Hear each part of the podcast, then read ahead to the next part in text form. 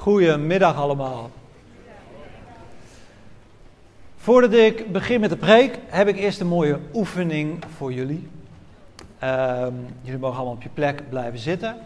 Ik geef jullie straks een kleine opdracht. Ehm, en wat er gaat gebeuren als ik die opdracht geef, is dat jullie allemaal heel vrolijk worden, beginnen te lachen, met elkaar te praten. Dat moet niet. Dus uh, gewoon even helemaal stil. Maar het enige wat ik even voor jullie wil, is dat we één minuut de tijd nemen om de persoon die naast je zit, zwijgend, in de ogen te kijken. Go, doe maar. Yes, bedankt. Het is altijd mooi hè, om elkaar even diep in de ogen te kijken. We kunnen aan het begin van de dienst, dat hebben we ook gedaan en daar waren we ook gewend, zijn we nu niet meer gewend. Allemaal elkaar handje geven, zo handen schudden. Uh, of je kunt elkaar ontmoeten en heel druk beginnen te praten. Weet je, achter uh, een stevige handdruk of achter uh, druk gepraat, daar kun je jezelf een beetje achter verstoppen.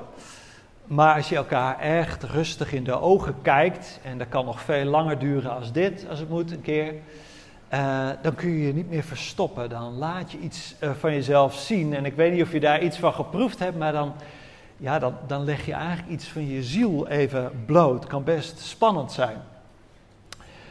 Um, en elkaar in de ogen kijken, dat is eigenlijk het, het. En zo naast elkaar zitten, dat is het tegenovergestelde eigenlijk van tegenover elkaar staan. En ik wil met jullie spreken in deze prekenserie over radicaal Jezus volgen. Wil ik met jullie spreken over wat radicaliteit betekent. Niet alleen van, uh, nou, ik tegenover God. Uh, want zo makkelijk kom je er niet vanaf. Um, het is ook ik tegenover de mensen om me heen. En Jezus heeft ons geleerd, ja, heb God lief boven alles. Hartstikke mooi. Uh, maar het tweede gebod, zegt Jezus, daaraan gelijk is, daaraan gelijk, weegt even zwaar. Laat het even op je inwerken. Heb je naaste lief als jezelf. Dus die persoon naast jou, die je in de ogen moet kijken. En jouw liefde voor die persoon, ja, dat is even zwaarwegend als jouw liefde voor God, zegt Jezus. Het heeft natuurlijk enorme gevolgen voor ons leven. Denk eens in. Uh, Jezus geeft ook een voorbeeld erbij, bijvoorbeeld die zegt van, uh, nou stel uh, je gaat naar de tempel om te offeren. nou, je staat misschien drie uur in de rij, hartstikke druk in de tempel. Nou, er zijn nog twee wachten er voor u, daar sta je. En denk je, ik ben bijna aan de beurt. En dan zegt Jezus, en op dat moment, dan schiet je te binnen, oeh, ik heb eigenlijk nog een heel klein conflict met mijn achterneef. Nou, zegt Jezus, uit de rij, je maakt het goed, en weer achteraan aansluiten. Uh, je kunt eigenlijk niet zomaar over die conflicten heen stappen, zegt Jezus. Je moet er niet genoegen mee nemen dat er conflicten in je leven zijn en dat je dan denkt van, ah, nou ja, oké, uh, weet je wat, ik moet ook wel van Jezus vergeven. Dat leert Jezus ook, hè. Hoe vaak vergeven? Altijd, 7 keer 70, je moet altijd vergeven. Nou, dan doe ik dat toch gewoon. Dan ga ik bidden en dan zeg ik, Heer, ik heb hem vergeven. En nou, dan ga ik weer verder, klaar. Nee, dat is niet de bedoeling. Want degene die nu naast jou in de kerkbanken zit, om die een minuut lang in de ogen te kijken, dat is één ding. Maar die persoon, die jou misschien echt, ja, gewoon hele nare dingen heeft aangedaan. die persoon die zich ook misschien op een manier waarvan jij denkt, waarom moet dat nou? zich echt van jou verwijdert. En, en, en, zich enorm tegenover jou opstelt. En die persoon die over jou roddelt bij anderen. Of die jou voor rotte vis uitmaakt. Die persoon een minuut in de ogen kijken. Of nog langer. En die persoon, daarvan zegt Jezus. Als je mij vraagt wie is je naaste, in de eerste plaats dat is je naaste. En ik denk dat ja, heel veel van ons, zoals we hier zitten, heel veel van ons hebben zo iemand in hun leven. Of in het klein of in het groot. En misschien je man, sorry, je man, je vrouw, je kind, je buurman, je buurvrouw, je collega, je vriend, je vriendin.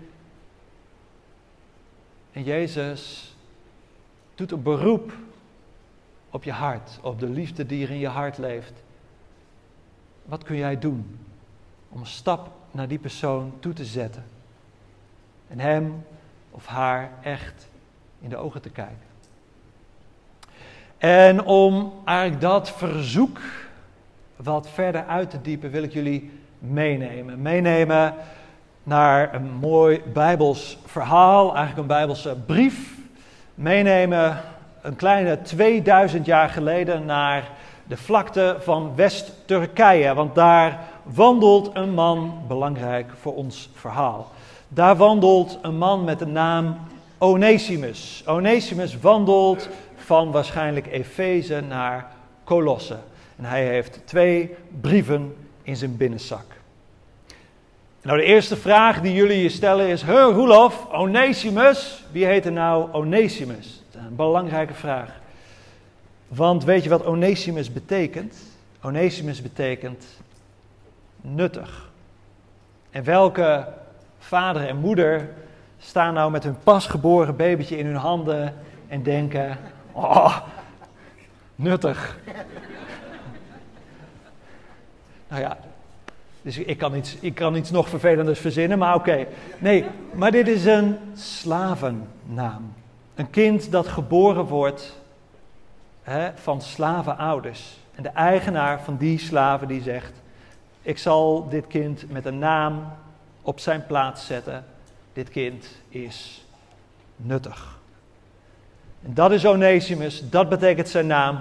En dit is de man die loopt van Efeze naar Colosse met twee brieven in zijn binnenzak, 2000 jaar geleden. En waar komt hij vandaan? Hij komt bij Paulus vandaan, natuurlijk, eerste klas brievenschrijver, vandaar die brieven. En hij is onderweg naar Filemon.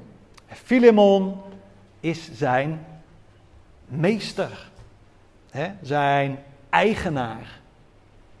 En wat was er gebeurd? Waarschijnlijk. Filemon was na ruzie, na oneenigheid, na ernstige verwijdering bij zijn meester weggelopen en had toevlucht gezocht bij Paulus.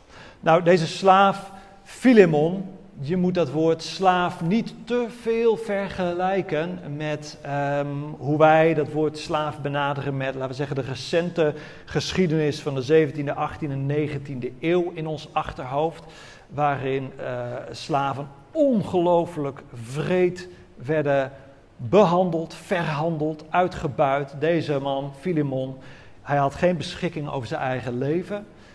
En dat is verschrikkelijk. Onesimus, sorry. Uh, ja, Onesimus is de slaaf. Ik haalde ze door elkaar. Deze man had geen beschikking over zijn eigen leven, maar wat hij wel had, en dat is meer dan heel veel, misschien een meerderheid van de mensen die in zijn tijd leefden, was gewoon goed eten en drinken. Um, en een uh, uh, dak boven zijn hoofd. En waarschijnlijk kon hij lezen en schrijven. Dus het is een ander plaatje misschien als je voor je ogen hebt. En deze man, oneenigheid. Onesimus had oneenigheid met Filemon. Ging op de vlucht, zocht zijn toevlucht bij Paulus. En dan zie je drie mannen, drie hoofdpersonen die op een bepaalde manier tot elkaar in een verhouding staan. Paulus, Filemon, Onesimus. Paulus, helemaal bovenaan de sociale ladder, is heel belangrijk in die tijd. Hij is een Romeins burger en dat is lang niet, daar sta je echt helemaal bovenaan hoor. En hij is een apostel. Daaronder Filemon, nou, dat is de baas van een huishouden, dus dat is een man die leeft in welstand. Uh, maar hij was ook de voorganger van de gemeente die in zijn huis bij elkaar kwam. Dat is Filemon. Die staat een stukje onder Paulus. En dan heel ver daaronderaan. Filemon, ja. Onesimus. Onesimus, helemaal onderaan. Hij is een slaaf. En hij heeft zich bij Paulus gemeld. En aan Paulus heeft een geweldige relatie met die man. Paulus stuurt hem terug naar Filemon met een brief op zak. Nou, de ene brief aan de Colossensen staat in onze Bijbel, hartstikke mooi. Vandaag gaan we kijken naar die andere brief aan Filemon over Onesimus. En ik wil daaruit lezen een uh, aantal versen vanaf vers 8 tot vers 21. En wat hopen wij nou, westerse 21ste eeuwse mensen, eigenlijk? Wij hopen eigenlijk misschien dat Paulus zegt: Ah, Filemon, slavernij, ben je gek? Laat hem vrij. Het zou mooi zijn, dat had misschien ook heel veel goeds door de eeuwen heen uit kunnen werken. Dat is niet wat Paulus op die manier zegt. Maar wat Paulus van Filemon vraagt, graaft eigenlijk dieper en is eigenlijk moeilijker. We gaan lezen. Vers 8.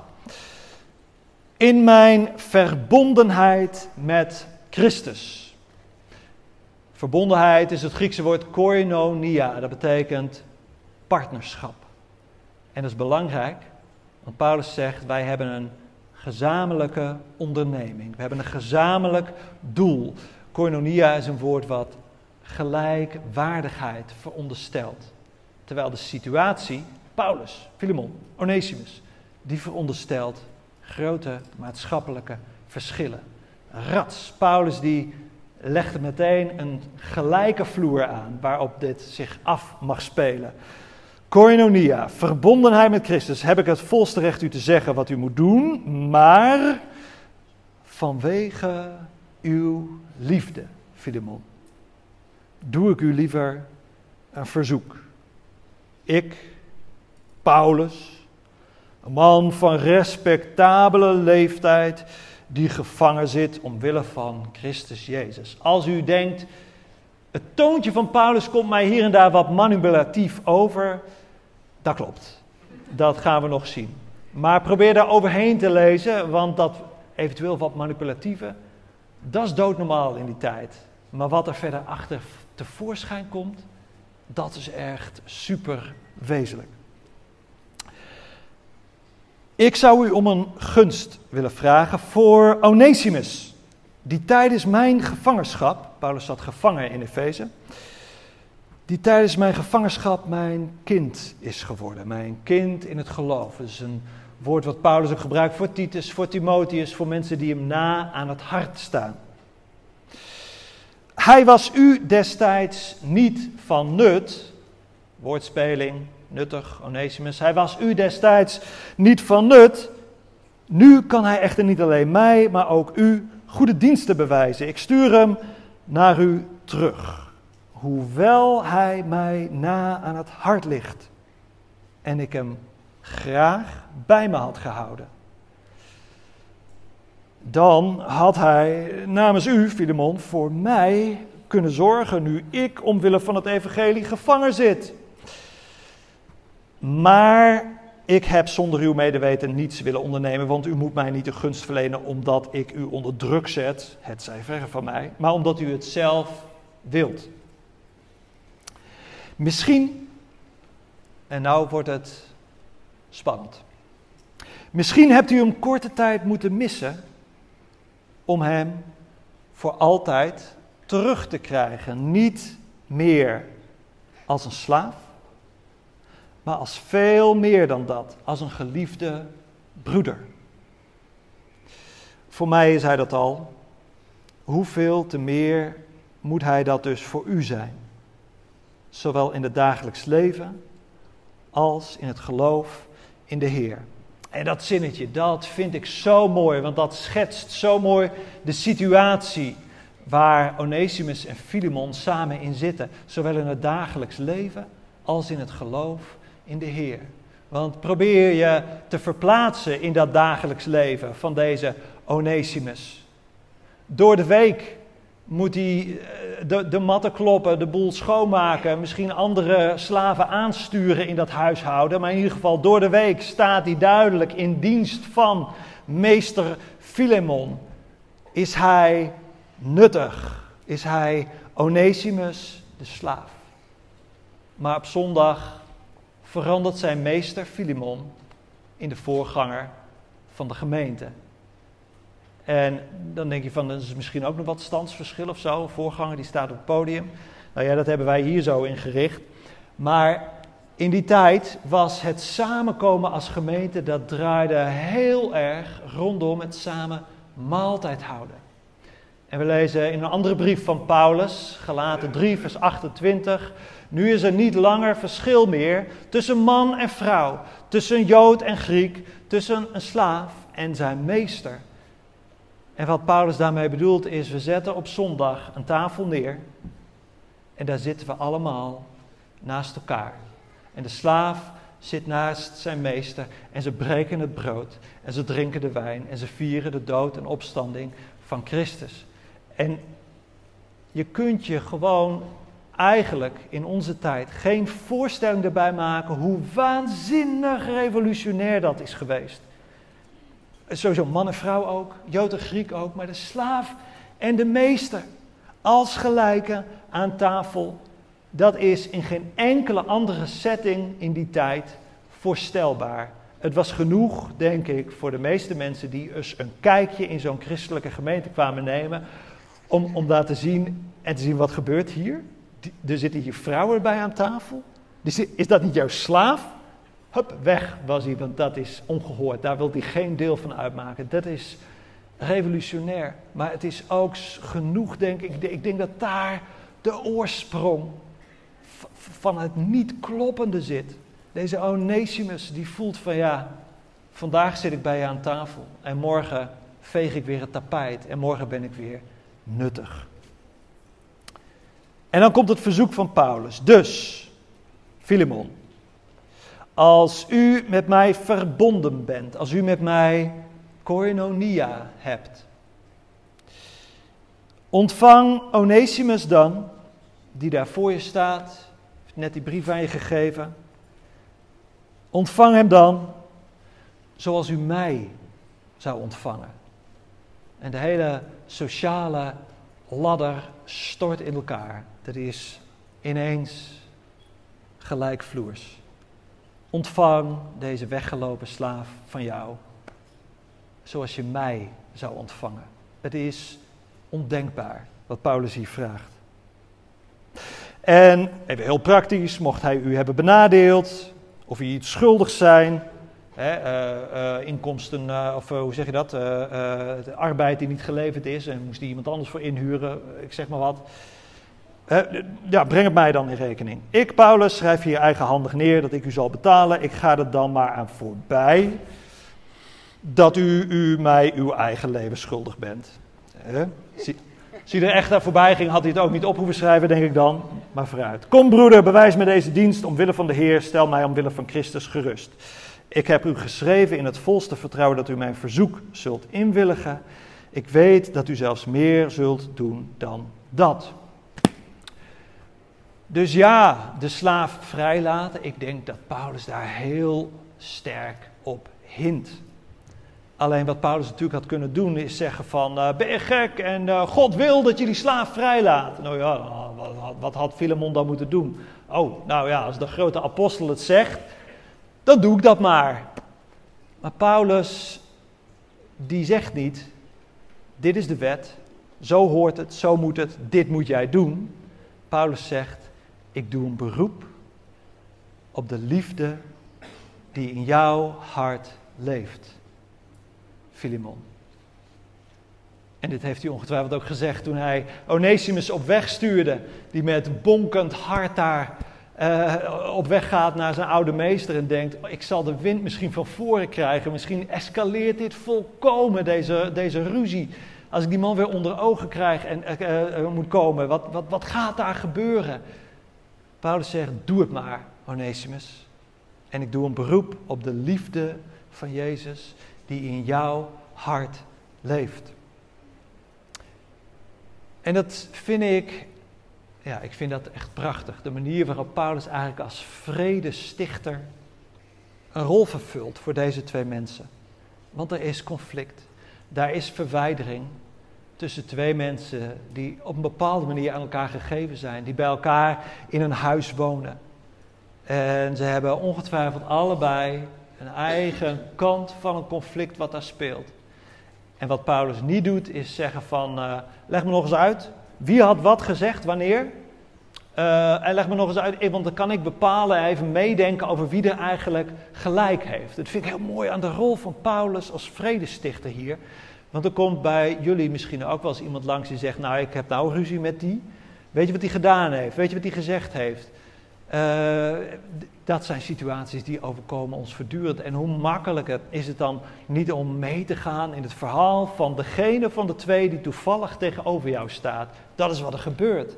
En uh, nou ja, daar ga je het er samen eens over hebben. En dan denk je ik denk dat jij gelijk hebt. Hoe overtuigen we die ander daarvan? Paulus blijft daar helemaal uit. Paulus die gaat het niet hebben over wie heeft er gelijk, wat is het conflict, hoe lossen we dit op. Paulus zegt tegen allebei de mensen, ik doe een beroep op de liefde die Jezus in jouw hart heeft gelegd. En eigenlijk wat Paulus doet is ze tegenover elkaar zetten en zeggen, kijk elkaar eerst maar eens in de ogen. En Paulus weet vast dat dat niet ieder conflict automatisch oplost. Maar dit is wel een bepaalde volgorde die hij kiest, waar wij, denk ik, veel van kunnen leren. Het gaat niet om dit conflict, om die zaak, om het, het gaat uiteindelijk om de harten daarachter. En ik denk dat dit een hele mooie regel is, zeker voor binnen de gemeente van God. Als we allemaal mensen bij elkaar zijn tegen wie we kunnen zeggen: Ik doe een beroep op de liefde van Jezus in jouw hart. Dan hebben we iets om ergens een beroep op te kunnen doen. Als je conflict hebt met uh, je buurman, buurvrouw, werkgever, uh, werknemer, noem maar op, collega, die helemaal niet gelooft, waar moet je dan een beroep op doen? Er is altijd wel iets om een beroep op te doen. En ook denk ik dat voor ons allemaal dat de mooiste route is om toch te proberen. Kan ik tegenover jou komen te staan? Eerst even zwijgen, elkaar in de ogen kijken. Jezus roept ons op ook door dit verhaal van Filemon en Onesimus. Jezus roept ons op om ons met elkaar te verzoenen. Paulus zegt ook in 2 Korinthe 5, uh, Jezus heeft jou en mij met God verzoend. En weet je wel, dat neemt niemand je meer af. Maar hij plaatst jou daarmee ook op een positie van een dienst der verzoening, noemt Paulus dat. Heb God lief boven alles en nu je naaste als jezelf. Wie is dan mijn naaste? vroeg de fariseeën aan Jezus. En Jezus vertelt het verhaal. En het was de Samaritaan aan wie de fariseeër zo'n hekel had. Je verzoenen met degene die zich tegenover je opstelt. Het is niet makkelijk. Als dit verhaal jou raakt vanmiddag, omdat je mensen kent die met elkaar in conflict zijn en het, en het raakt je ergens persoonlijk. Of omdat je zelf in zo'n conflict situatie zit en je denkt van hoe kom ik hier ooit uit? Weet je, geen tips of trucs die ik hier nu geef, die zijn genoeg om de hele complexiteit van, zo'n, van een conflict situatie even op te lossen. Maar ik wil je toch vragen om je te laten raken door de route die Filemon en Onesimus moeten gaan met een beroep op de liefde die in hun hart leeft. En ik heb even acht bullets op een rijtje gezet, die wil ik tot slot eigenlijk nog even met jullie doorlopen, omdat dat iets openmaakt van, ja, wat is nou wel of niet wijs om te doen? Als jij iets met iemand hebt goed te maken.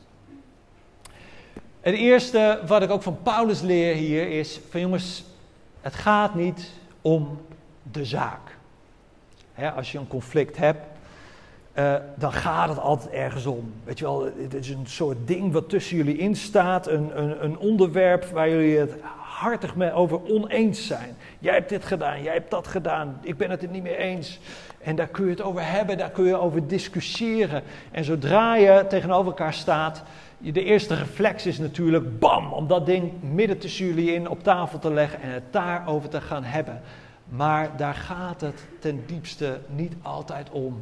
Het gaat vaak veel meer om, en wat leeft er in jullie beide hart? Wat zit daarachter? Wat is de beleving daarachter? Het gaat niet om de zaak. En Paulus in die hele brief aan Filemon, hij maakt er geen woord aan vuil. Van wat is nou het onderwerp van die ruzie? Geen idee. En het tweede, het gaat niet om rechten en plichten. Jij had dit moeten doen, jij had dat moeten doen. Ik deed zus en ik doe de hele tijd dit. Ik doe alles voor jou wat ik hier moet doen. We hebben toch afgesproken dat dit. En ik doe dat steeds. En jij ondertussen doet helemaal niks. Terwijl ik dan toch van jou mag verwachten dat jij zus en zo. En het gebeurt niet. Dat is ook geen uh, manier om een gesprek aan te gaan waarmee je tot verzoening komt. Want dat is allemaal brandstof voor verwijdering. Dat is geen gesprek. Hou eerst maar even dan liever je mond en kijk elkaar even goed in de ogen. En het derde, die eerste drie, die lijken eigenlijk heel erg op elkaar, geef ik eerlijk toe.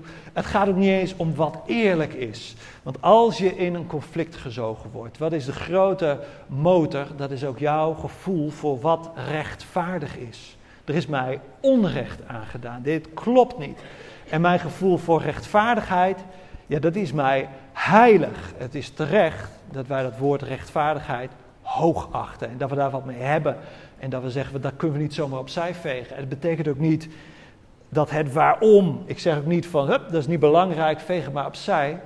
En je moet wel blijven bij jouw gevoel en jouw instinct van, wat is rechtvaardig hierin? Alleen, als je dat als eerste, als onderwerp van gesprek maakt, dan ben je alleen maar het conflict aan het voeden.